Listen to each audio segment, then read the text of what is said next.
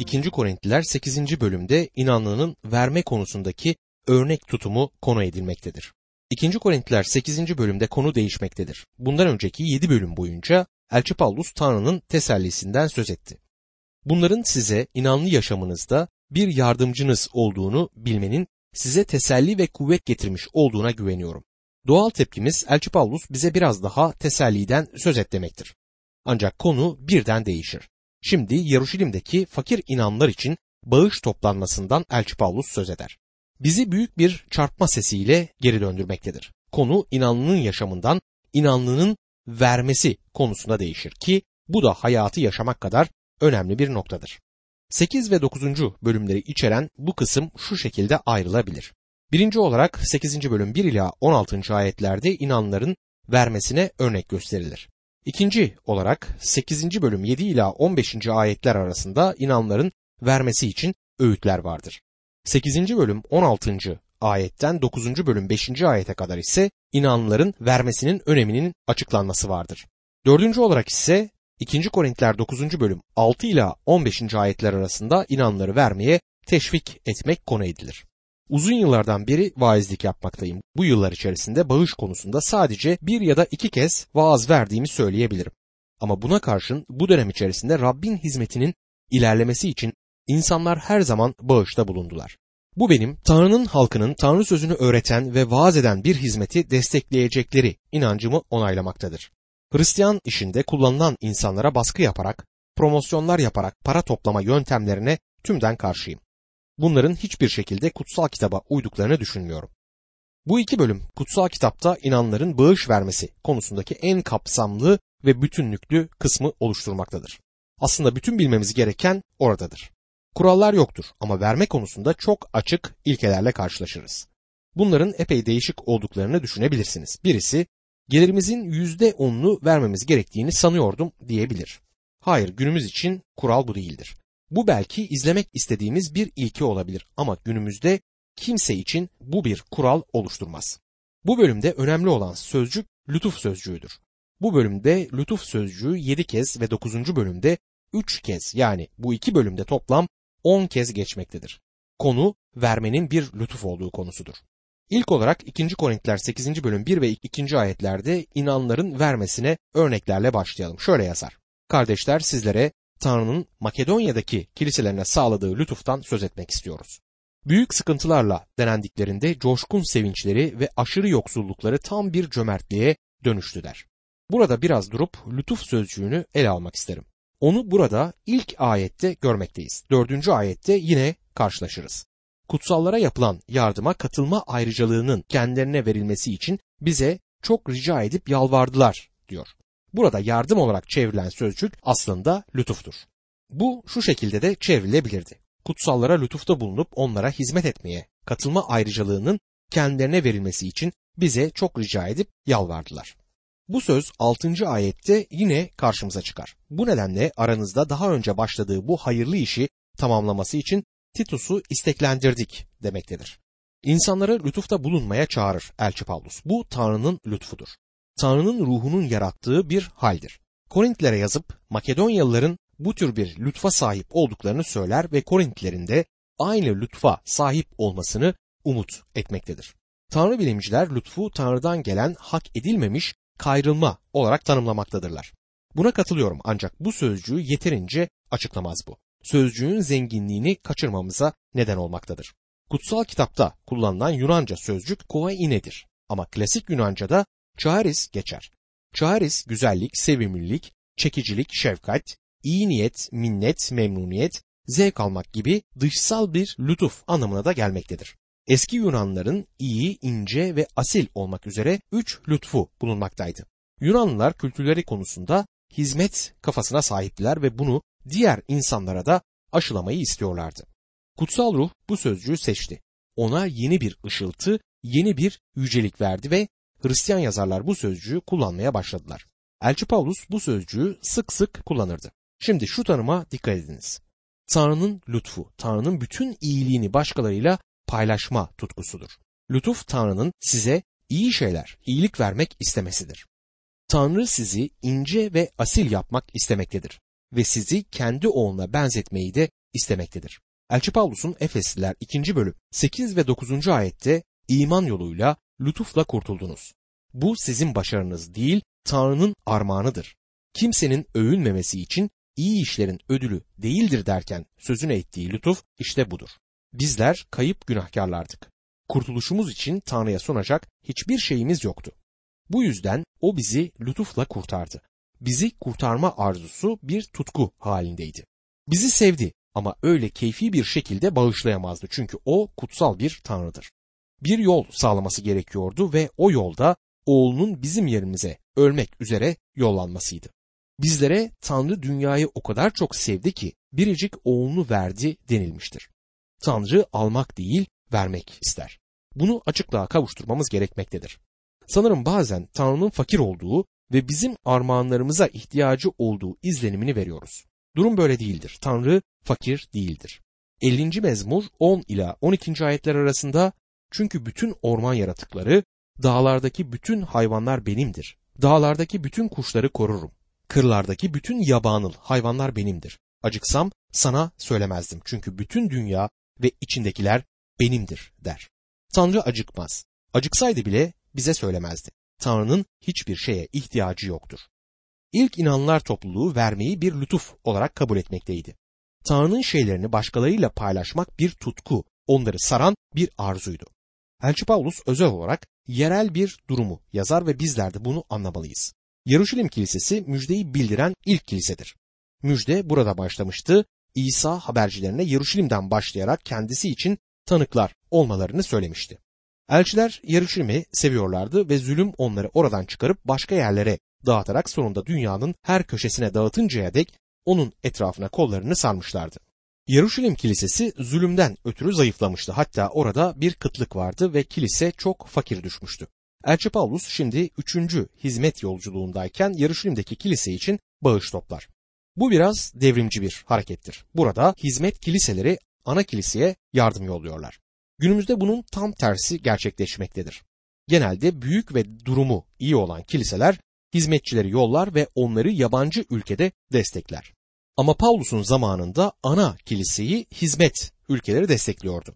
Elçi Paulus Korint'e gidemiyordu. Bu yüzden bu mektupta onlara nasıl vermeleri gerektiği hakkında talimatlar yollar.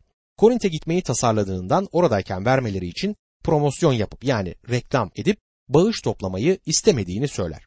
Oraya gittikten sonra para vermeleri konusunda konuşarak vakit geçirmek istemiyor.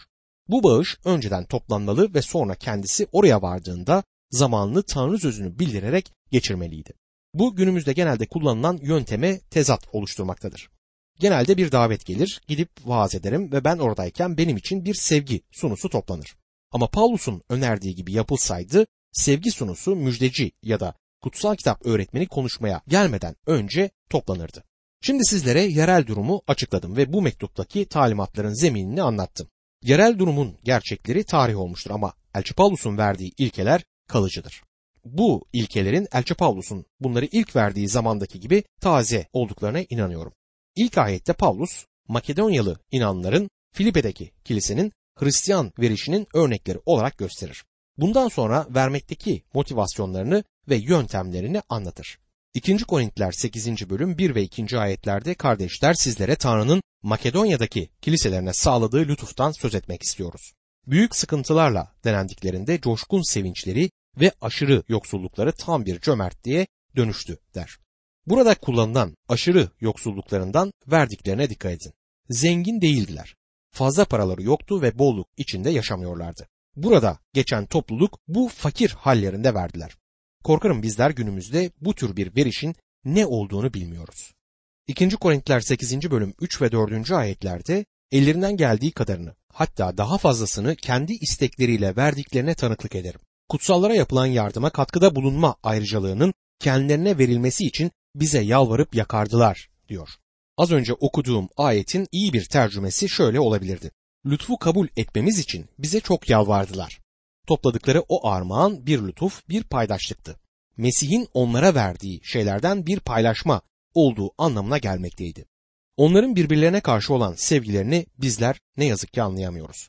Günümüzde bizler sosyal etkinlikten söz ediyoruz. Ben muhafazakar kiliselerimizden neredeyse umudu kestiğimi itiraf etmeliyim. Hizmetlere yardımda bulunmak harika bir şeydir ama kendi topluluğumuzdaki ihtiyaç içinde olan kişileri ihmal mi etmemiz gerekmektedir diye sorarlar. Birçok kişi ihtiyaçlarının yerel topluluk içinde bilinmesini istemiyorlar bile. Çünkü bunun kilisede dedikodu konusu olacağını biliyorlar ve sonuç olarak yardım almak istemiyorlar. Çünkü bunun bir utanç kaynağı olacağını düşünüyorlar. Bunu kendi hizmetimde de gördüm. Bazen yardımın kime gittiğini komiteye ya da gruba bildirmezdim. Çünkü komite bunu gizli tutmazdı ve iş karılarının kulağına gittiğinde bütün topluluk durumu bilirdi. Günümüzde bizler vermenin muhteşem lütfunu unutmuş bulunmaktayız. Şimdi Makedonya'daki inanların ne yaptığına bakın. Bu çok sıra dışı bir olaydır. 2. Korintiler 8. bölüm 5. ayette umduğumuzdan da öte kendilerini önce Rabbe sonra Tanrı'nın isteğiyle bize adadılar diyor. Elçi Paulus bunun beklediği bir şey olmadığını söyler. İlk olarak kendilerini Tanrı'ya adamışlardı. Bu temel bir ilkedir. İkinci olarak kendilerini Mesih'in yerel işine adıyorlar. Kendilerini Tanrı'nın isteğiyle Elçi Pavlus'a adamışlardı. Bunun anlamı Pavlus'un müjdeyi bildirmesine yardım ettikleridir. Buradan görüyoruz ki bu topluluk Tanrı'ya gerçekten adanmıştır. Elçi Pavlus Korintlere ilk mektubunda 15. bölümde diriliş ve cennetten söz eder. Onlar Pavlus kardeş bizlere biraz daha cennetten bahset demek üzeredirler. Bundan sonra Paulus 1. Korintiler 16. bölüm 1. ayette kutsallara yapılacak para yardımına gelince Galatya kiliselerine ne buyurdumsam siz de öyle yapın diyerek onları sarsmıştır. Onlara çok pratik bir şeyden söz etmek ister. Ve ikinci mektubunda onlara içerleyerek verme konusundan bahseder. Makedonyalı inanlılar coşkun sevinçleri ve aşırı yoksulluklarından vermişlerdi. Bu çok güzel bir tablodur. Tanrı sevinçle vereni sever ve onların gerçek bir paydaşlığa sahip olduklarını burada çok net bir şekilde görüyoruz. Sahip olduklarını bu insanlar paylaşıyorlardı. Bütün ruhsal bereketlerini Yaruşilim'deki ana kiliseye borçluydular. Müjdeyi onlardan duymuşlardı. Şimdi acıklı bir durumda olan ana kiliselerine maddesel armağanlarını veriyorlardı. Paulus Galatyalılar 6. bölüm 6. ayette Tanrı sözünde eğitilen, kendisini eğitenle bütün nimetleri paylaşsın der. Bu çok açık bir şekilde vaize para verin anlamına gelir. Dostum bunun anlamı ruhsal bereketlerinizi aldığınız işi desteklemeniz gerektiğidir. Dostum verme işi coşkun bir sevinç içerisinde yapılmalıdır. Hiçbir zaman istemeyerek ya da vermemiz gerektiğini düşündüğümüz için vermemeliyiz. Tanrı sözünün başka insanlara da ulaşabilmesi için tutkuyla vermeliyiz. Markos 12. bölüm 41 ila 44. ayetler arasında İsa tapınakta bağış toplanan yerin karşısında oturmuş kutulara para atan halkı seyrediyordu. Birçok zengin kişi kutuya bol para attı. Yoksul bir dul kadın da geldi. Birkaç kuruş değerinde iki bakır para attı. İsa öğrencilerini yanına çağırarak size doğrusunu söyleyeyim dedi. Bu yoksul dul kadın kutuya herkesten daha çok para attı. Çünkü ötekilerin hepsi zenginliklerinden artana attılar. Bu kadın ise yoksulluğuna karşı varını yoğunu geçirmek için elinde ne varsa tümünü verdi diyor. Fakirliğinde verdi ve sahip olduğu her şeyi verdi. Kadın verdiği birkaç kuruşu tapınağın zenginliğiyle kıyaslayacak olursanız fazla bir değeri olmadığı ortadadır. Ama Rab İsa Tanrı'nın değerlendirmesini yapmaktadır. Luka 21. bölüm 2 ila 4. ayetler arasında ise yoksul bir dul kadının oraya iki bakır para attığını görünce size gerçeği söyleyeyim dedi. Bu yoksul dul kadın herkesten daha çok verdi. Çünkü bunların hepsi kutuya zenginliklerinden artana attılar. Bu kadın ise yoksulluğuna karşın geçinmek için elinde ne varsa hepsini verdi. İş bağış vermeye gelince bazı insanlar sıfır noktasında durur denmiştir. Bir sürü insan verme konusunda her zaman o vermeme noktasında durur. Yeni bir bina için para toplamaya çalışan bir İskoç kilisesi hakkında bir hikaye vardır. Kilisenin üyelerinden biri 50 bin sterlini olduğu bilinen zengin bir İskoç'tur. Tipik bir İskoçyalıydı ve çoğumuz için epey cimriydi. Görevlerden bir yanına gelip kardeş yeni kilise için ne kadar vereceksin diye sorar. İskoçyalı sanırım dul kadının attığı kadar atabilirim diye yanıt vermiş. Görevli bir sonraki toplantıda kardeşler gereken bütün para toplandı. Bu kardeş 50 bin sterlin verecek demiş. Adam şaşırmış. Ben 50 bin sterlin vereceğim demedim. Dul kadının attığı kadar atacağımı söyledim demiş. Görevli ise evet ama o her şeyini verdi ve ben de senin aynı şeyi vermek istediğini düşündüm diye cevaplamış. Tanrı'nın ne kadar verdiğinizi görmekle birlikte ne kadarını kendinize sakladığınızda gördüğü ilginçtir. Bir başka kilisede bir bina programı için bağış topluyormuş.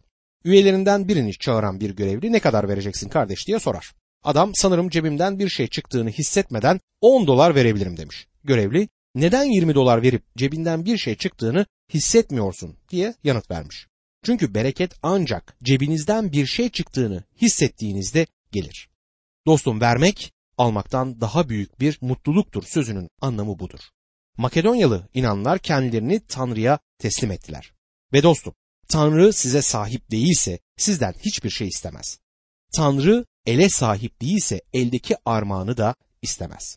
2. Korintiler 8. bölüm 6. ayette bu nedenle aranızda daha önce başladığı bu hayırlı işi tamamlaması için Titus'u isteklendirdik diyor. Elçi Paulus Korintli inanların Makedonyalı inanları motive eden lütfun aynısıyla motive edilmeleri gerektiğini söylüyor. Her insan için gerçek sınav ne verdiğindedir. Birisi tapınma toplantısı için gereken üç şey olduğunu söylemişti. Birinci olarak kutsal kitaptır. İkincisi ilahi kitabı. Üçüncüsü de para cüzdanı. Vermek Tanrı'ya tapınmamızın bir parçasıdır. Eğer verme lütfuna sahip değilsek, Tanrı'ya dua edip bize cömert, paylaşan bir ruh vermesini istemeliyiz. 2. Korintliler 8. bölüm 7. ayette Hristiyanlara verme konusundaki öğütleri görürüz. 2. Korintliler 8. bölüm 7. ayette imanda, söz söylemekte, bilgide, her türlü gayrette, bize beslediğiniz sevgide, her şeyde üstün olduğunuz gibi bu hayırlı işte de üstün olmaya bakın der. Paulus onları övmektedir. İmanları boldur, tanıklık edebiliyorlar, bilgi ve gayretleri de var. Ve Elçi Paulus diğer habercilere karşı sevgileri olduğunu da bize aktarır. Şimdi onlara bu hayırlı işte de üstün olmalarını söylüyor. Peki neden söz etmektedir? Buradaki temel konu verme konusundaki lütuftur. 2. Korintliler 8. bölüm 8. ayette bunu buyruk olarak söylemiyorum. Yalnızca sevginizin içtenliğini ötekilerin gayretiyle karşılaştırarak sınamak istiyorum diyor. Elçi Paulus burada günümüzde vermenin yasayla mekanik olarak ya da bir merasim olarak olmaması gerektiğini söyler. Birçok kutsal kitap yorumcusunun ondalığımızı vermemiz gerektiğini söylediğini biliyorum. Tabii ki eski antlaşmada ondalık vermek temel bir noktaydı. Ancak eğer dikkatle incelerseniz insanların üç tane ondalık verdiğini göreceksiniz. Bunlardan bir tanesi hükümeti desteklemek içindi ki buna günümüzde vergi diyoruz. Öyleyse ondalık Hristiyanların vermesine temel oluşturmamaktadır. Elçi Paulus bunu bir buyruk olarak söylemiyorum der. Korintlilerden bu bir buyruk olduğu için vermelerini istemez. Vermelerini istemesi konusunda onlara iki tane neden sunar. Bunlardan ilki ötekilerin gayretiyle karşılaştıraraktır ki Makedonyalıların vermesinin örneği olur. İkinci neden ise sevginizin içtenliğini sınamaktır. Günümüzde de insanın sevgisinin gerçek sınavını para cüzdanları oluşturur. Bir Hristiyan için en hassas nokta parasal destek konusudur. 2. Korintliler 8. bölüm 9. ayette Rabbimiz İsa Mesih'in lütfunu bilirsiniz. Onun yoksulluğuyla siz zengin olasınız diye zengin olduğu halde sizin uğrunuza yoksul oldu der.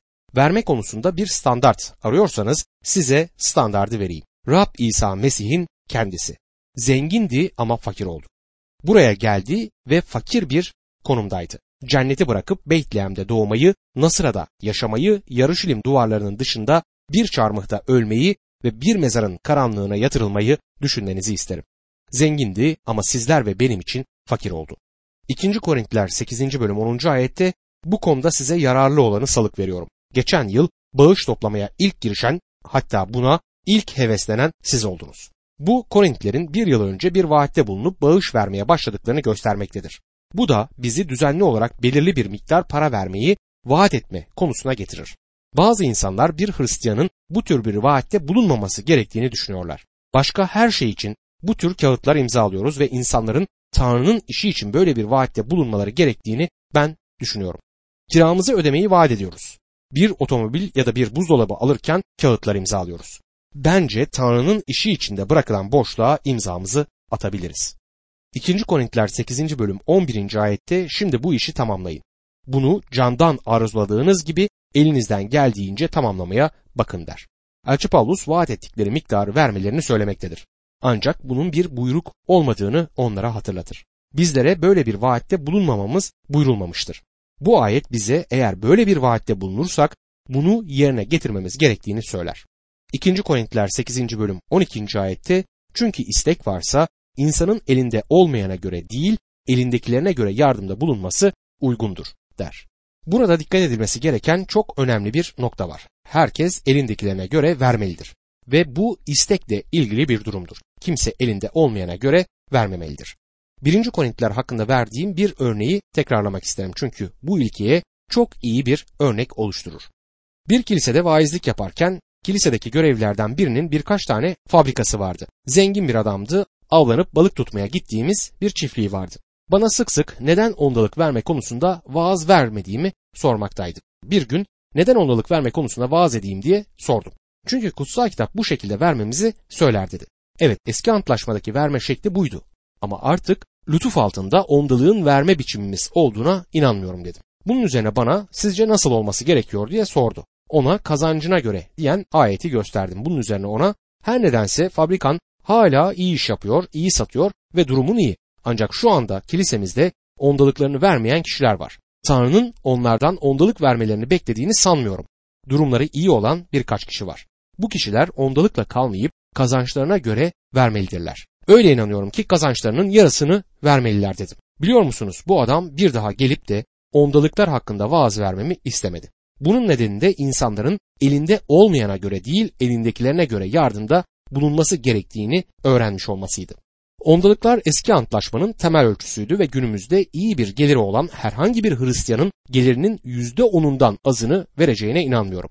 Yaşadığımız bolluk zamanında Hristiyanlar yüzde ondan fazlasını vermelidirler. 2. Korintiler 8. bölüm 13 ila 15. ayetler arasında amacımız sizi sıkıntıya sokup başkalarını rahatlatmak değildir. Ama eşitlik olsun diye şimdi elinizdeki fazlalık onların eksiğini tamamladığı gibi başka zaman onların elindeki fazlalık sizin eksiğinizi tamamlasın. Öyle ki çok toplayanın fazlası az toplayanın da eksiği yoktu diye yazılmış olduğu gibi eşitlik olsun diyor. Elçi Paulus kimsenin sıkıntıya sokulmaması gerektiğini burada net bir şekilde belirtmektedir. Belki Tanrı sizi iyi bir otomobil, güzel bir ev, güzel mobilyalar ve çağdaş toplumumuzda gerekli sayılan her türlü ev aletleriyle bereketlemiştir. Tanrı'nın Rabbin işiyle paylaşmanızı beklediğini söylemek isterim. Ondalıkla yetinmeyi yeğleyen zengin arkadaşım gibi olabilirsiniz. Kendi verdiği bağışlar konusunda kendini rahatlatmak için ondalık konusunda vaaz vermemi istiyordu. Benimle konuştuktan sonra ondalık vermesinin kendisini rahatsız ettiğine inanıyorum. Verebilecek durumda olanlar vermelidirler ve veremeyecek durumda olanları sıkıntıya sokmamalıyız. Elçi Paulus çölde man topladıkları günleri örnek gösterir. Her birinin bir güne yetecek kadar toplaması gerekiyordu. Adamın biri birkaç sepetle gidip bunları dolduralım, toplayabileceğim kadar toplayayım diyebilirdi. Çıkıp açgözlü bir şekilde kendisine gerekenden fazlasını toplayabilirdi. Peki o zaman ne olurdu? O gün kendisine gerekeni yedikten sonra gerisinin ertesi sabaha bozulmuş olduğunu görürdü.